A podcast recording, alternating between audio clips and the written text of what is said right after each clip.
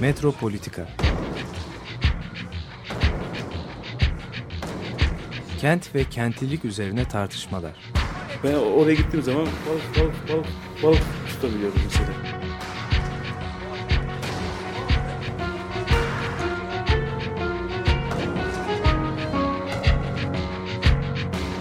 Hazırlayıp sunanlar Aysin Türkmen, Korhan Gümüş ve Murat Güvenç. Takusuyor ki. kolay kolay boşaltamadılar. Yani elektrikçiler terk etmedi Perşembe Pazarı merkezini.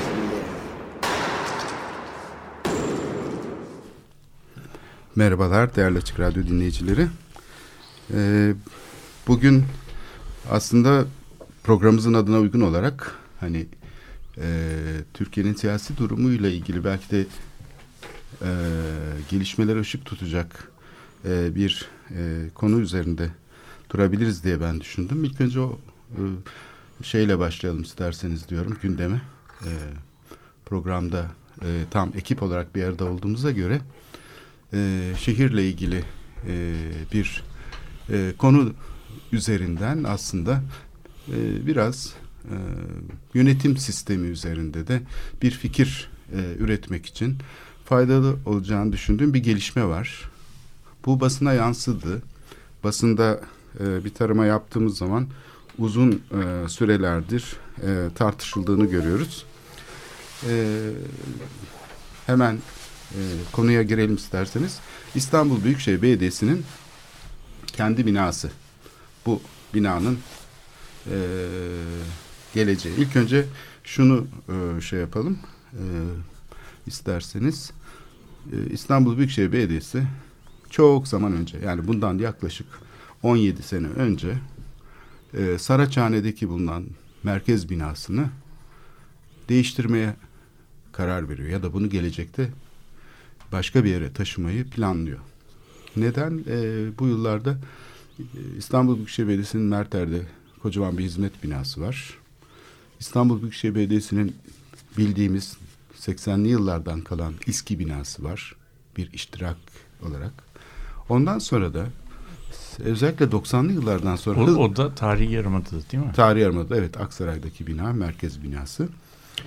Aynı zamanda da muazzam bir e, şey ortaya çıkıyor.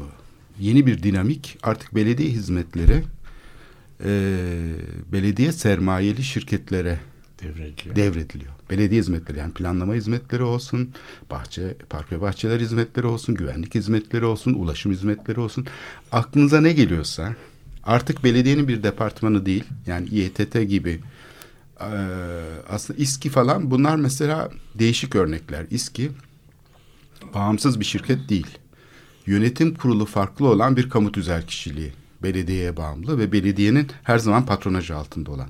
Oysa ki e, tamamen şimdi e, 90'lı yıllardan sonra model alt üst oluyor. Yani bildiğimiz departmanları olan yerel yönetim modeli yani bir bütünlük arz eden, hiyerarşik bir bütünlük arz eden ve kendi içinde uzmanlık birimleri olan bildiğimiz belediyenin sonu geliyor. Belediye tamamen fragmente e, bir yapıya kavuşuyor.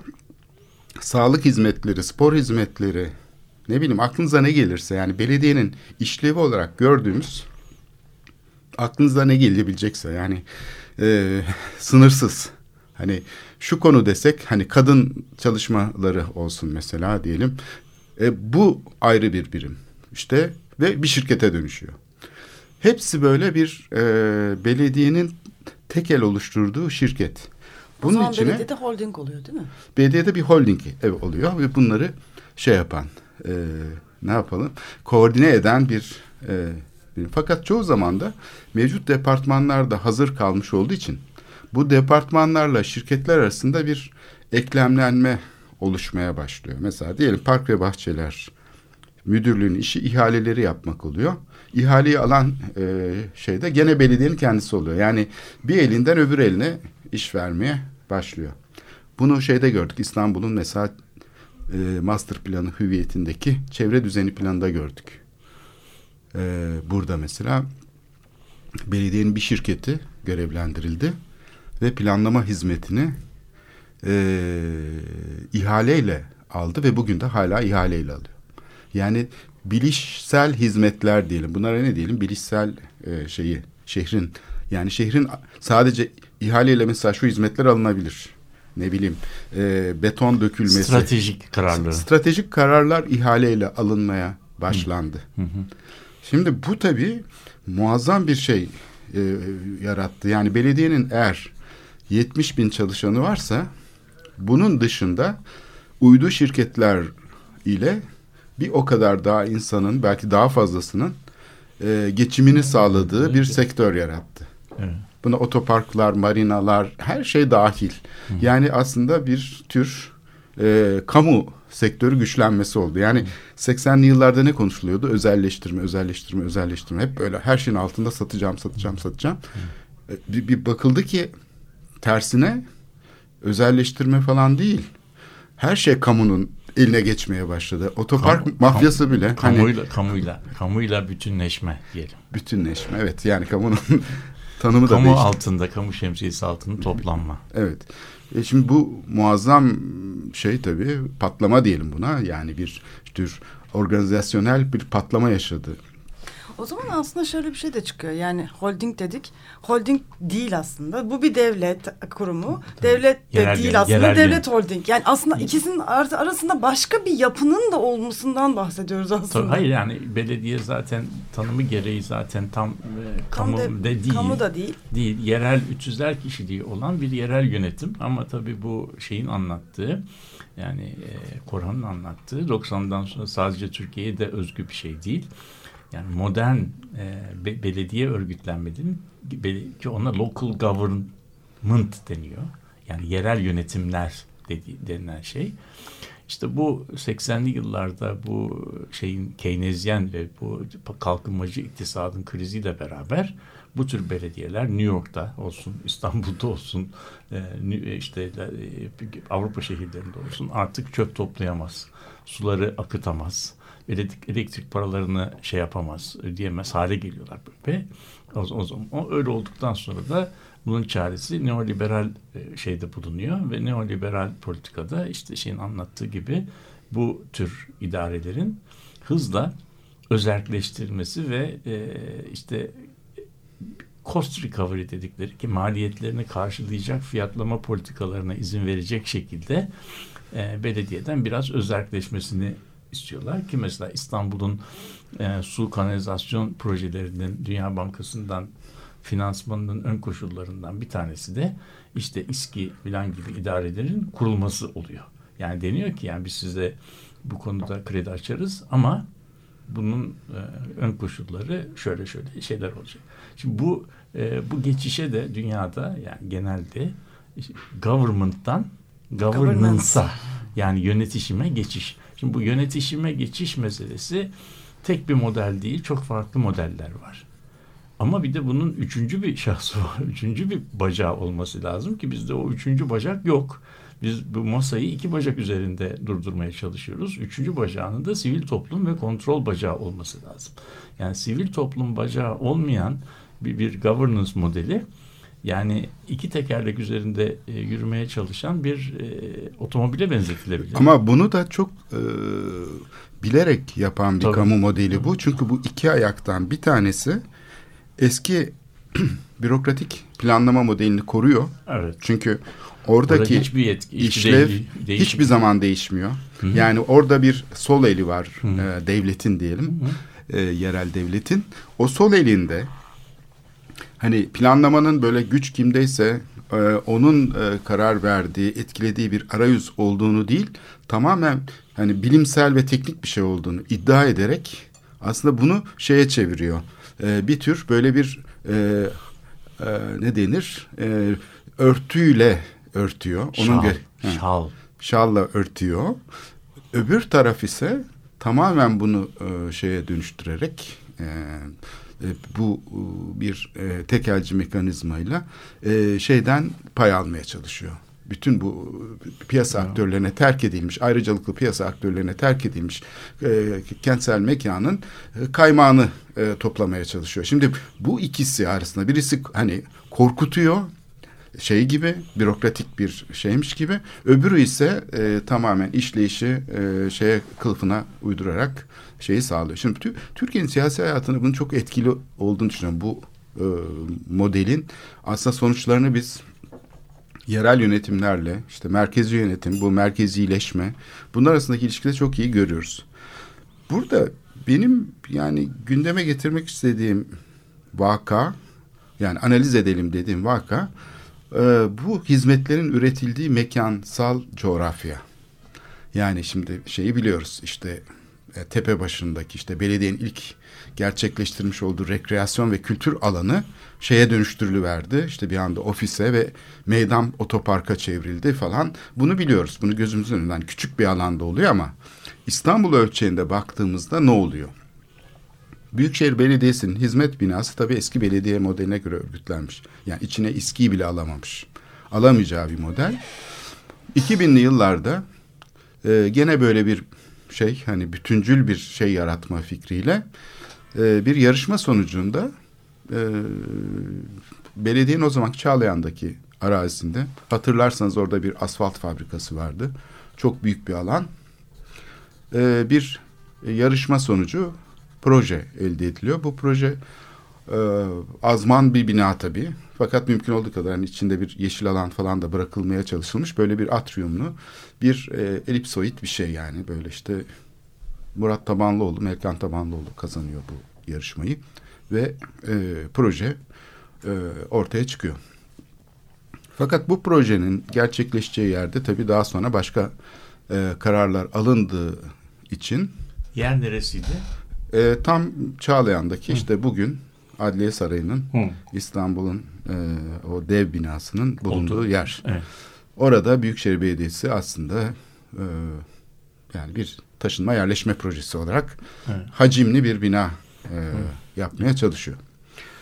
E, bu proje yarışma sonucu elde ediliyor. Yani herkes de belediye oraya taşınacak diye bekliyor. Tarih Yarımada'daki bina hakkında da çeşitli görüşler, tevatürler ortaya çıkıyor. İşte bu bina yakışıyor, yakışmıyor falan filan gibi.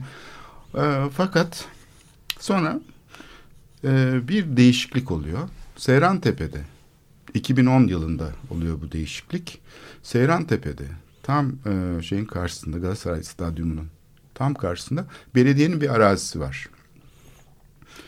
Bu araziye birdenbire plan tadilatıyla 65 katlı bir gökdelen yapılmasına yani e, Türkiye'nin en uzun binası 300 metre yüksekliğinde Eyfel Kulesi kadar bir e, bina yapılması kararı veriliyor ve bu da plan tadilatı olarak büyük şehrin meclisinden oy birliğiyle geçiyor.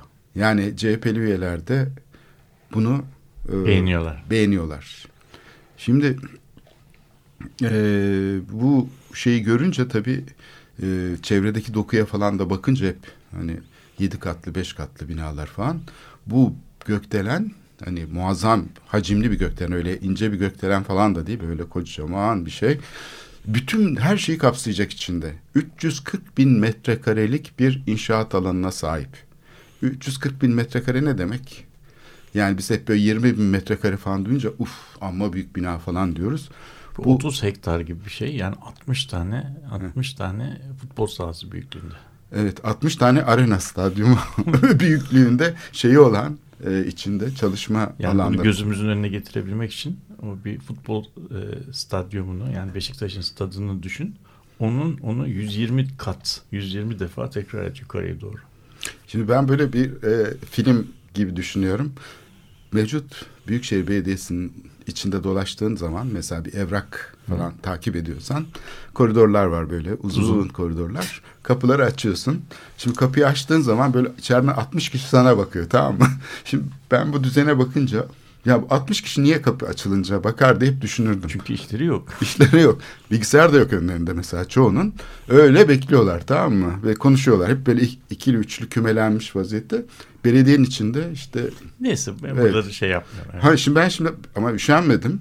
Bu 340 bin metrekarelik dev binanın içinde biraz dolaşmaya çalıştım. Neler var diye. Neler var diye. Çünkü yani öyle bir makinenin içine girmek hani çalışma düzeni olarak nasıl hayal edilebilir? Hani kendim kendimi koydum biraz şey yapayım dedim yani empati göstereyim. Yani belediye çalışanları böyle bir ortamda nasıl kendini hisseder diye. Şimdi bölüm bölüm ayrılmış.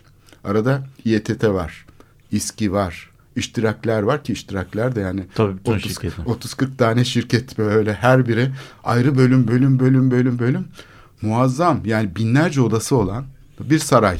Hı hı. Ama Gökdelen Saray belediye sarayı. Belediye sarayı ama yani Amerika'da falan belki benzerleri vardır böyle böyle şirketler. Böyle bu kadarı yoktur yani. Ha. Ama içinde yok yok yani her şeyi yani bir imparatorluk şeyi gibi hı hı. her şeyden numune olarak oraya onun temsilcileri, onun temsilcileri hepsi içine konacak ve bu makine çalışacak diye planlanmış. Ee, herkes de çok beğenmiş herhalde bu projeyi. Fakat bu seferki proje tabii yarışma değil. Belediyenin böyle iş gördüğü şeyler var. Hizmet aldı, ihaleyle hizmet aldı. Mimarlık Onlar şirketleri var. Hemen şipşak çiziyorlar. Şimdi eskiden mimarlık faaliyeti şeydi biraz böyle insanlara. Zordu, zordu. Evet yani böyle uğraştırıcı bir şeydi. Gidersin bir üniversite hocasıdır aynı zamanda seni sorgular. Yok öyle yapılmaz, böyle olur falan Huysuzluk der. Huysuzluk var. Huysuzlukları vardır, kaprisleri vardır. Sanatçı kaprisi gibi yani. Şimdi mesela heykel yaptıracaksan Haliç'te mesela diyelim bir Fatih heykeli. Gidiyorsun Diyorsun ki işte sol ayağı diyorsun atın şaha, şaha, şaha kalkmış olacak diyorsun. Atın boyu şu kadar olacak diyorsun. Şöyle de ayağı havaya kalkmış olacak. Üzerinde de şeyin Fatih'in şöyle pelerini olacak. Bunu söylediğin zaman ne yapıyorlar? Şipşak hemen böyle yapıyorlar. Çıkarıyorlar şeyden. Şimdi mimarlık projeleri de biraz böyle doğru, olmaya doğru. başladı. Ee, tabii yani bunu küçümsemeyelim şeyi de var. Artistik tarafı da bir takım süslemeler falan da konuyor orasına burasına ama e, böyle şipşak bir projeye benziyor bu proje. Böyle bir proje yapılmış. 65 katlı bir gökdelen. Aşağı yukarı 200 metre yüksekliğinde falan yani. 300. Nasıl oluyor peki 65 metre 3 metreden yapsak 200 falan. Yani, yani 4 3 metreden yapsak işte 180 200 yapar. 300 olmaz. Ee, biraz yani da bunun görkem sivriltilmiş sağlamak için herhalde sivriltilmiş şeyleri yani, falan var. Evet 250. Ee, bir de yerin altında tabii herhalde bir yani, evet. 20 kat falan da altta vardır. Onu, otoparkı tabii yani. Otoparkı olacak. Neyse bu, buraya kadar her şey normal. Yani buraya kadar bir tuhaflık yok. Yani bu herkesin yaptığını yapıyor belediye. Yani böyle şehri hani bütün olarak planlayan başkaları, şey. Başkaları evet. gökdelen yapmak konusunda özgürse belediye de özgürdür yani. O da yapabilir. Evet burada yani bir tuhaflık yok. Buraya yok, kadar yani gayet hiç, hiç normal yürüyor işler. Fakat bu Şubat ayının ortasında 17'sinde yani yaklaşık iki ay önce başka şeyler hissedilmeye başlanıyor. Bir kere e, bu yapı yani daha henüz ortada olmayan yapı bir şirkete devrediliyor. Belediyenin bir şirketine devrediliyor. Yani Hı. o yapının içinde yer alacak şirketlerden bir, biri yapayım işletecek. Yapının sahibi oluyor. Bu, bu da belki inşaat için hani kolaylaştırıcı bir yöntem diye görülebilir. Fakat arkasından hemen bir ay sonra meclise bir karar geliyor. Belediye diyor ki belediye başkanı aniden karar değiştirdik diyor. Belediyemiz eski yerinde kalacak. Hmm. Bu çok güzel aslında değil mi? Yani o binanın böyle tarihi binanın otel yapılmaması. Çünkü daha önce otel yapılacak deniyordu. Evet bence, Hem bence güzel bir karar. Galatasaray şey pardon Galatasaray diyorum Tünel Meydanı'ndaki İETT binası da otel olacak deniyordu. Hı hı. Hem de Büyükşehir Belediyesi'nin binası da otele çevrilecek falan deniyordu. Dolayısıyla e, burada bir karar değişikliği oluyor ve aniden e, bu elde edilmiş imar hakkı e, satılmaya karar veriliyor.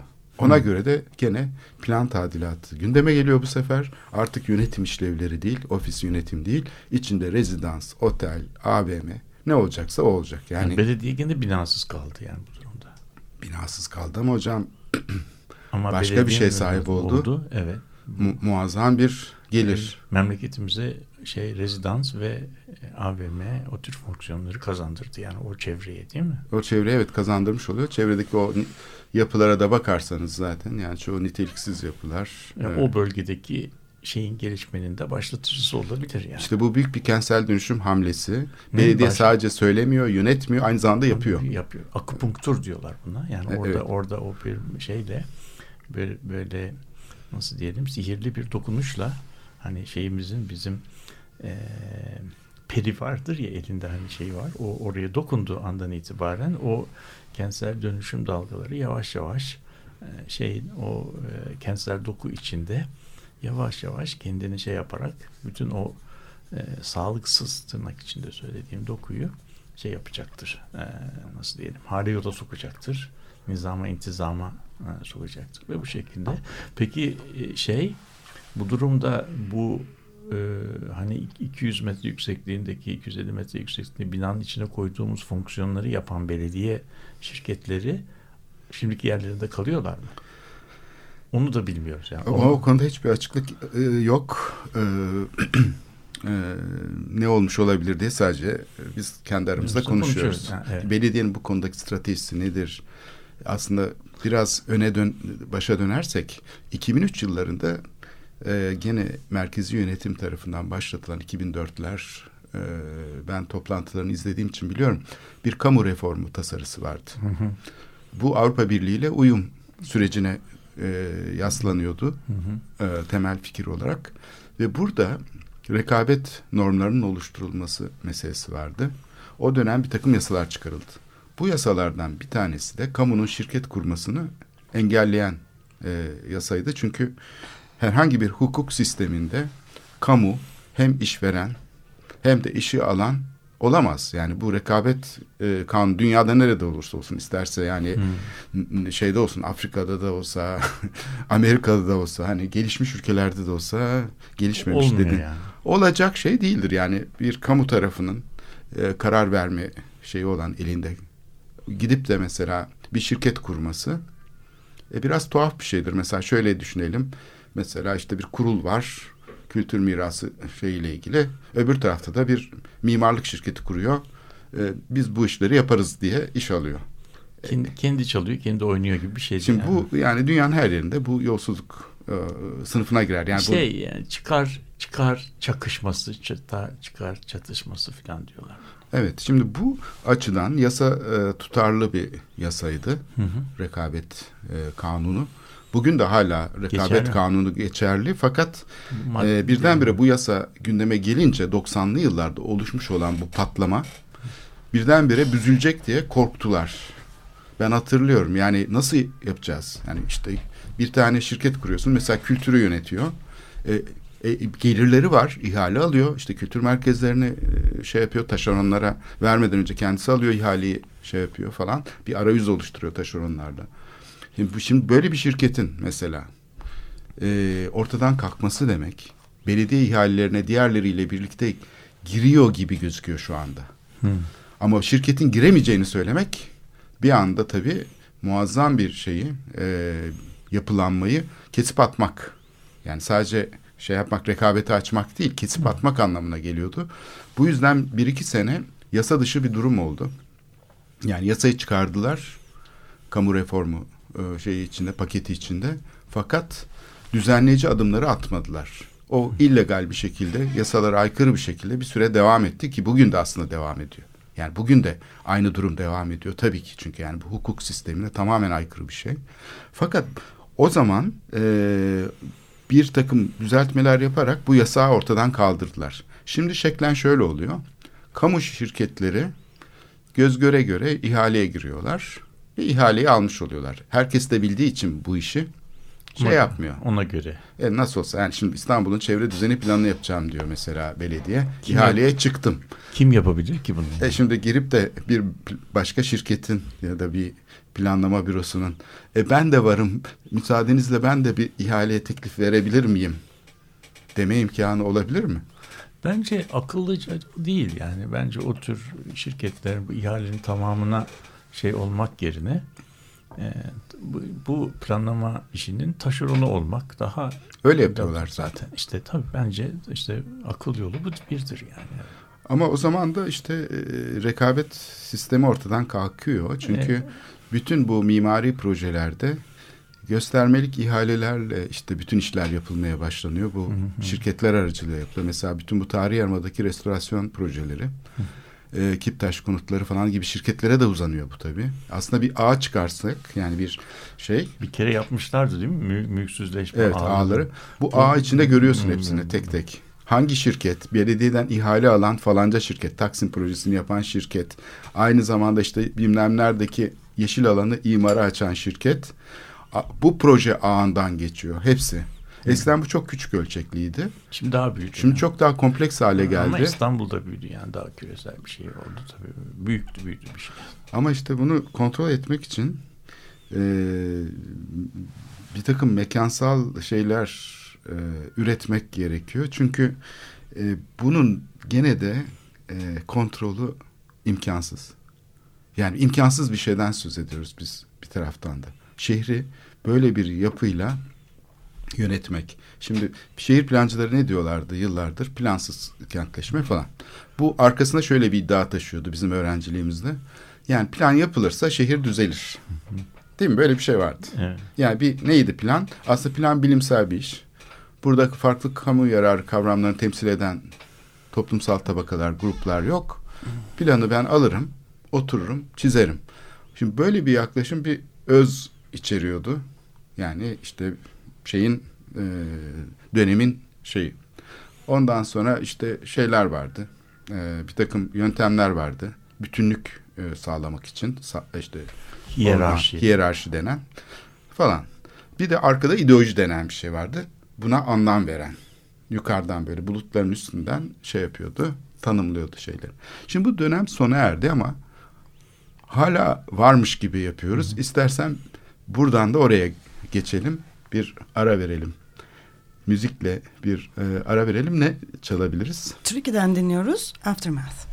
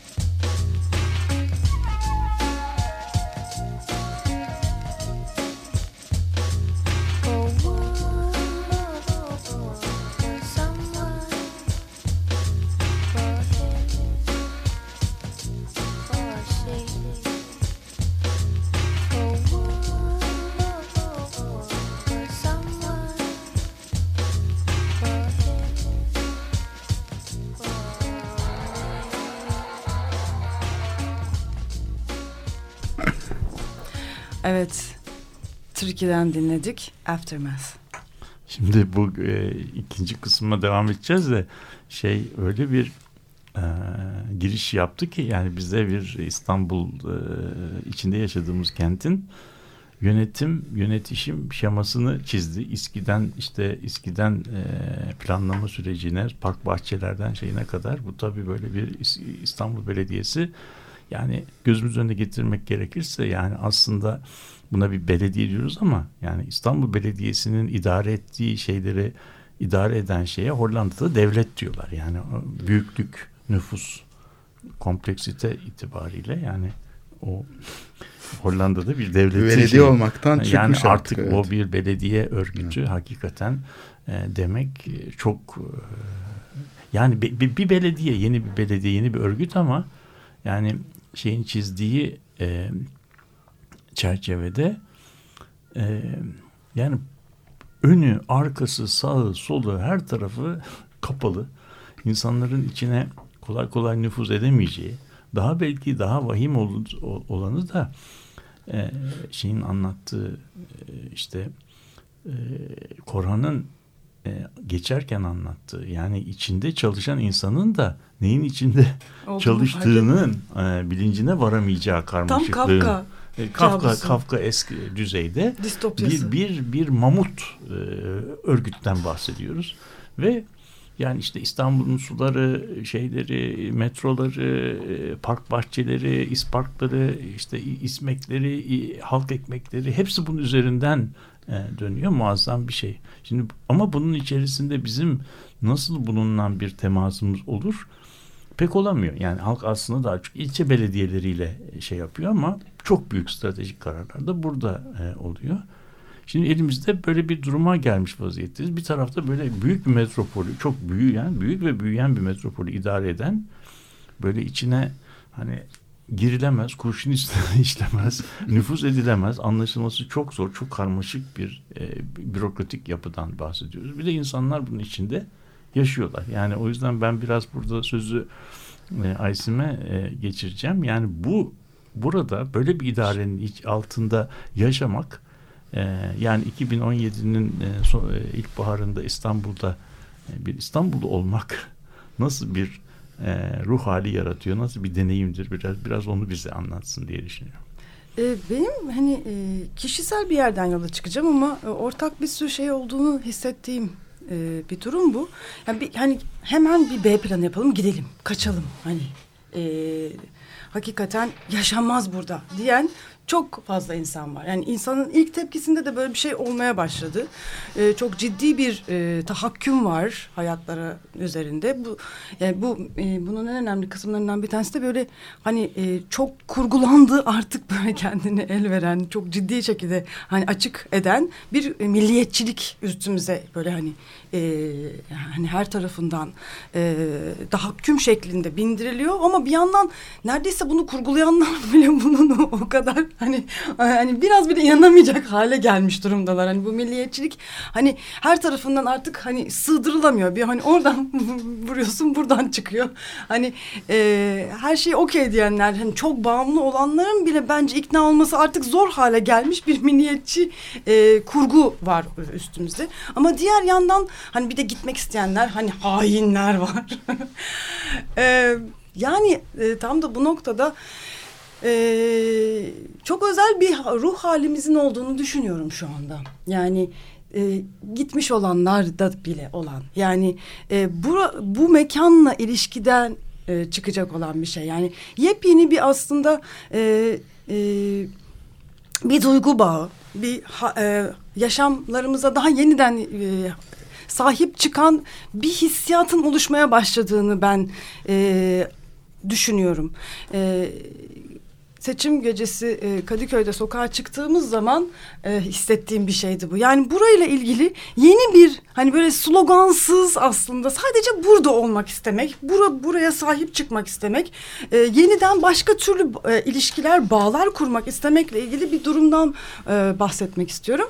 E, e, buranın e, bir yandan da kaybetmek üzere olduğumuzu hissettiğimiz bir şeyle bağlantılı ama bu nostaljik de değil. Yani nostaljinin muhafazakarlığının içinde ah ah ah öyle günler daha demiyoruz. Hani bu, bu da var. Bu ar araf dönüm yani böyle bir şey bitti. Hani bir on senelik hakikaten e, hani İstanbul'da yaşayan kozmopolit bir yaşamın sonuna geldiğimizi hissediyoruz ama daha tam da elinizden kaçırmadığımız bir araf noktamız var. Bir duygu halimiz ve buranın da enteresan bir şekilde aslında biraz daha dile getirilmesi gerektiğini belki conceptualize edilmesi gerektiğini bunun hani tanımlarının bulunması gibi bu halimizi anlatacak artık yeni bir, bir şeyleri belki şiiri olur ama daha çok tanımsal bir şey. Çünkü mesela nostaljik şu andaki halimizi nostalji tanımlamıyor e, milliyetçilik tanımlamıyor. Peki bu bizim bu şehirle ilişkimizi e, yeniden tanımlayacak bugünkü halimizi çok spesifik bir hal bu. Yani çok tarihsel ve spesifik bir hal. Büyük bir ihtimalle iki sene sonra bunu da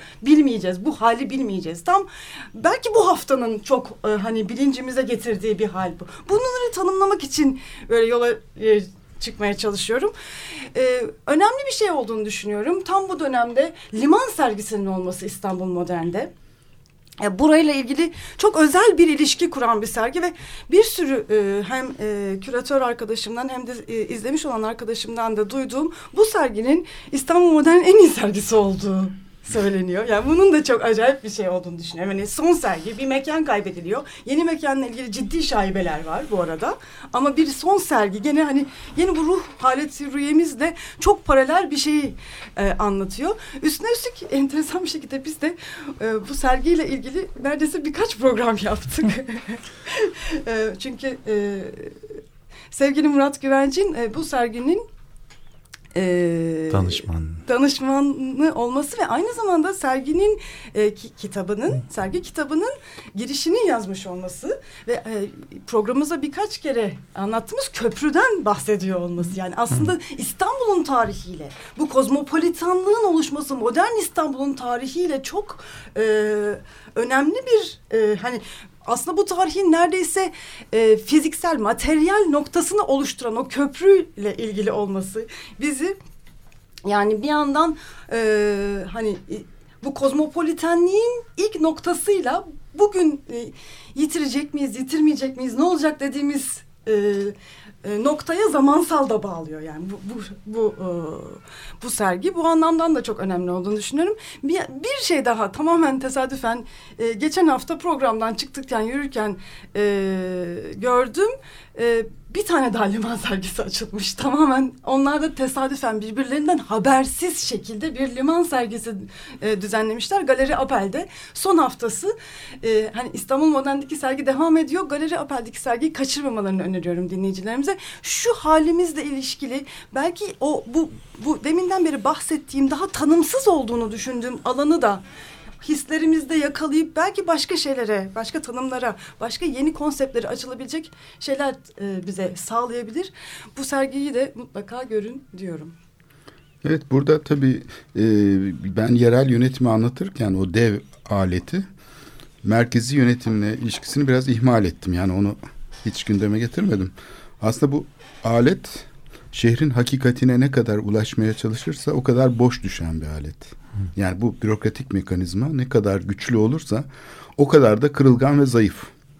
Bunu tabii işleyişte arka planda yani o bir özü tanımlayan ideoloji, milliyetçilik diyelim burada mesela tersine bir efekt yaratıyor. Yani fetih ideolojisi mesela fetih şeyi e, bu hep merkeze ele geçirmek için muhalefetin kullandığı milli görüşün muhalefetteyken kullandığı çok temsil kabiliyeti olan bir metafordu ama merkeze ele geçirince bir boşluğa dönüşü veriyor.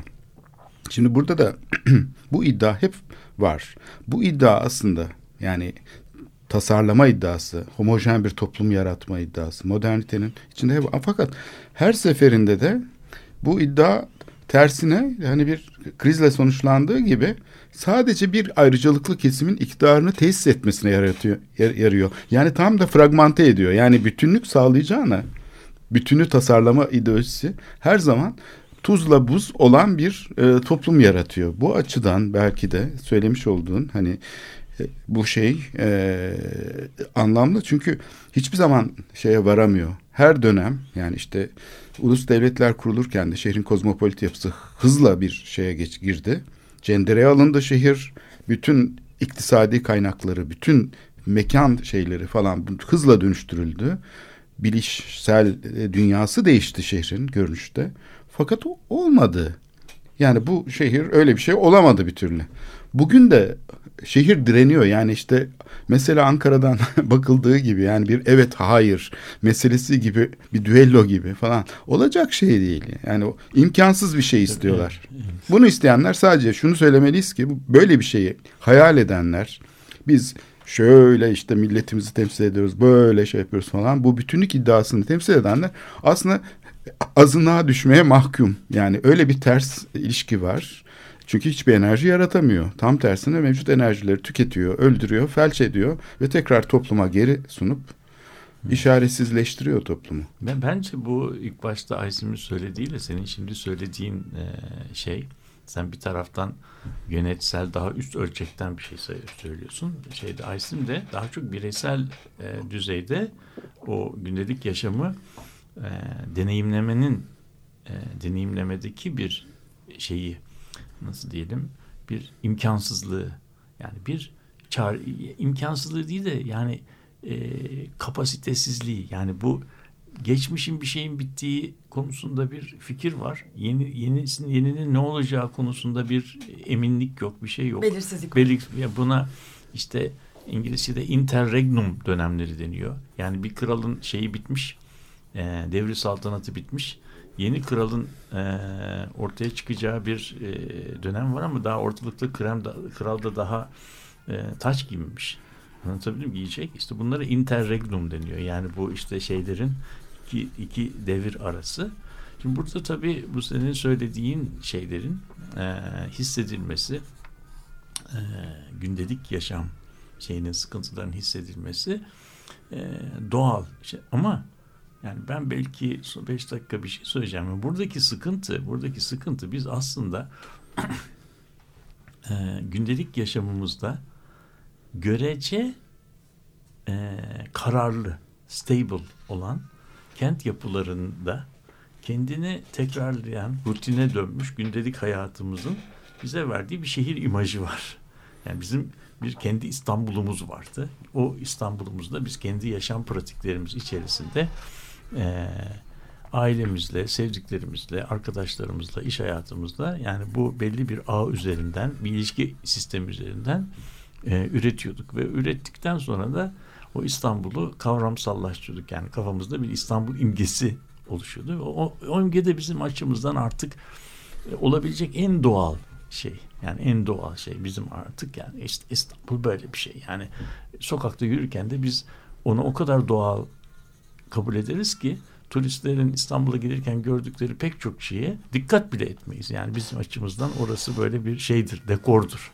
Turist geldiği zaman her şeye baktığı için bazı şeyleri daha fazla fark eder. Aa bu da burada varmış falan diye. Onu da hayret hiç dikkat etmemişim deriz yani böyle bir şeyle karşılaşırız. Buradaki sıkıntı şuradan çıkıyor. Biz e, şehirle olan ilişkimizi bir ilişki olarak e, düşünmek yerine bir şehrin özü üzerinden düşünmek e, noktasına gelirsek yani şehirlerin mekanlarının içerisinde bir şey olduğunu, ruh olduğunu ve o ruhun o mekanlara e, can verdiğini e, düşünmeye başladığımız noktadan sonra o zaman e, şehre sahip olmak, o ruha sahip olmak, o ruhu kontrol altına almak, denetlemek, zapt etmek, zapturat altına almak ve bir daha da kaçırmamak işte şeyin söylediği e, nasıl diyelim e, Korhan'ın resminde fetih e, metaforu işte şehri almak, kontrol etmek, vapurlarını işletmek, her şeyini yapmak yetmiyor. Aynı zamanda onun içindeki bu ruhu da ele geçirmek. ele geçirmek ve bir daha da kaçmayacak şekilde bir yere koymak ve o, o ruhu da sonsuza kadar e, sahip olmak. Halbuki bu e, bu aslında yani e, hani şeyde Korhan'da dedi sen de dedin ne yaparsak yapalım olmuyor. Hani bir o, bir o bu, bu da şeye benziyor. Şimdi mesela çocuğun gelişme süreçlerinin içerisinde e, ilişkisel şeyleri bedenleştirme oyunu oynanır çocuklarla. Mesela sen beni ne kadar seviyorsun? Şu kadar. Çocuklarda hani kollarını açarak hani o o mesela. Peki beni ne kadar e, seviyorsun?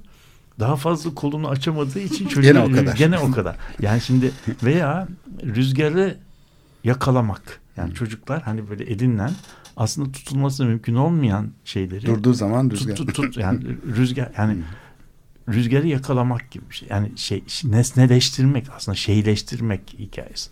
Şimdi o yüzden şeyin e, Aysim'in belki anlattığı ve bence çok güzel e, dile getirdiği sözcüklerle bugün içinde bulunduğumuz e, kentsel halet ruhiye diyelim. Yani durum durumun içerisinde e, teslim etmemiz gereken şey şu. Aslında e, şehir bizim dışımızda olan bir şey değil. Şehir dışımızda olan bir şey değil. Biz o bütün şeyleri şehirle ilgili imgeleri e, kafamızda kurduğumuz e, şeyleri e, kafamızda kurduğu yerleşik yapıları yerlerin anlamını aslında kendi pratiklerimiz içerisinde üretiyoruz ve o pratikleri rutinleştirdikçe de onları yeniden üretiyoruz. O yüzden bu şeyin e, içerisinde e, e, iki bir şey durumdayız. Yani bir tanesi eskisi gibi olmadı, olmayacak. E, artık her şey bitti. Gide, gidelim, bırakalım e, halet ruhiyesi. Aslında veya pasif olalım. Ben kendi köşeme çekeyim. E, yaşamıma ki şey yapmayayım. Artık bu olay bitti. Bizden geçti filan gibi e, haleti ruhiyeler ki bunlar çok olmuştu. Bunlar aslında e, şehir açısından e, fakirleştirici şeylerdir. Yani kendi kendine kendi kendini doğrulayan e, kehanetlere benzetilebilir. Yani ben ben diyorum ki mesela şöyle bir şey diyebilirim. Önümüzde fizik imtihanı var ya ben burada şimdi sana söyleyeyim ben bu imtihandan dayalı dojeli çekeceğim. Çakacağım. E ben hiçbir şey yapmazsam imtihan günü geldiği zaman da o sınavın başarmasına imkan imkanımız yoktur. Şimdi bir tanesi böyle bırakıp e, gitmek şeyini ben biraz ona ona benzetiyorum. Bırakıp gitmek e, kendi kendini doğrulayan kehanete e, benzer ve bunun e, benim kafamda çok bir pratik yararı yok. Yani e, gidilen yerde de bir Eldorado yok. Onu da şey yapalım. Yani gidilen yerde bir e, şeyler altın e, şey yok. Kimse kimseyi e, kimse sunmuyor. Kimse kimseyi de beklemiyor. Sizin evet, sizin sizin öykünüzü ve de kimse merak etmiyor. Yani onu onu da onu onu da onu da teslim etmemiz lazım. Bizim aslında buradaki öykümüz bizim için çok hala şey, şey, ilginç. O yüzden kenti öyküler üzerinden yeni baştan o pratikleri kurmak lazım ve o pratikleri ne kadar sürdürebilirsek başarılı olmasa bile o başarısız öyküler bile daha sonra öykü oluyorlar, roman oluyorlar ve onu taşlardan ayıramıyorsun. Yani o öyküyü Taşlar. dünyanın hiçbir şeyi temizleyicisi taşlara yazılan öyküyü oradan çıkaramıyor. O, o yüzden e, o yüzden bence e, bizim e, şeyin e, rahmetli e, Mübeccel Kıray Hoca'nın söylediği bir şey vardır böyle durumlarda. Dizinizi kırıp çalışın derdi. yani bu, bunu da ben değişip dizimizi kırıp e, yaşamaya devam etmemiz lazım diye düşünüyorum. Evet bu yani bizim zihnimizde e, olan e, dünya, kent aynı zamanda başka zihinlerin dünyasında varsaymayı gerektiriyor. Bunun da altını çizelim. Evet. Yani biz bu yanılsamayı yaşayarak yani onların bizim dışımızda olduklarını değil kendi sanki içimizde olduğunu evet. varsayıyoruz. Bunun farkına vardığımız zaman da diğer e, öznelerin, evet. diğer e, varlıkların, canlıların ve cansızların e, ayrıca e, bulunduklarını kendi özerk e, şeyde e, dünyalarında yaşadıklarında Kesinlikle. kabul etmek Gerek. gerekiyor. Böylece Manuel de Landa'ya da bir referans vermiş olduk programın sonuna gelerek e, bitirirken. Peki. Haftaya görüşmek üzere diyelim. İyi haftalar.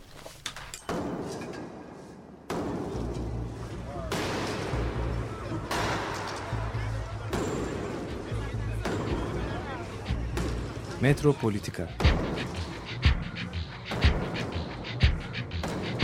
Kent ve kentlilik üzerine tartışmalar. Ben oraya gittiğim zaman balık balık balık balık tutabiliyordum mesela.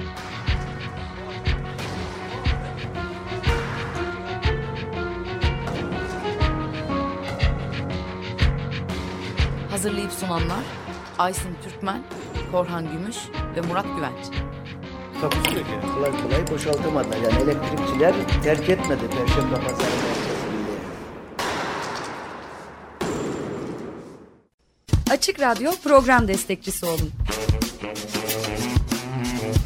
Bir veya daha fazla programa destek olmak için 212 alan koduyla 343 41 41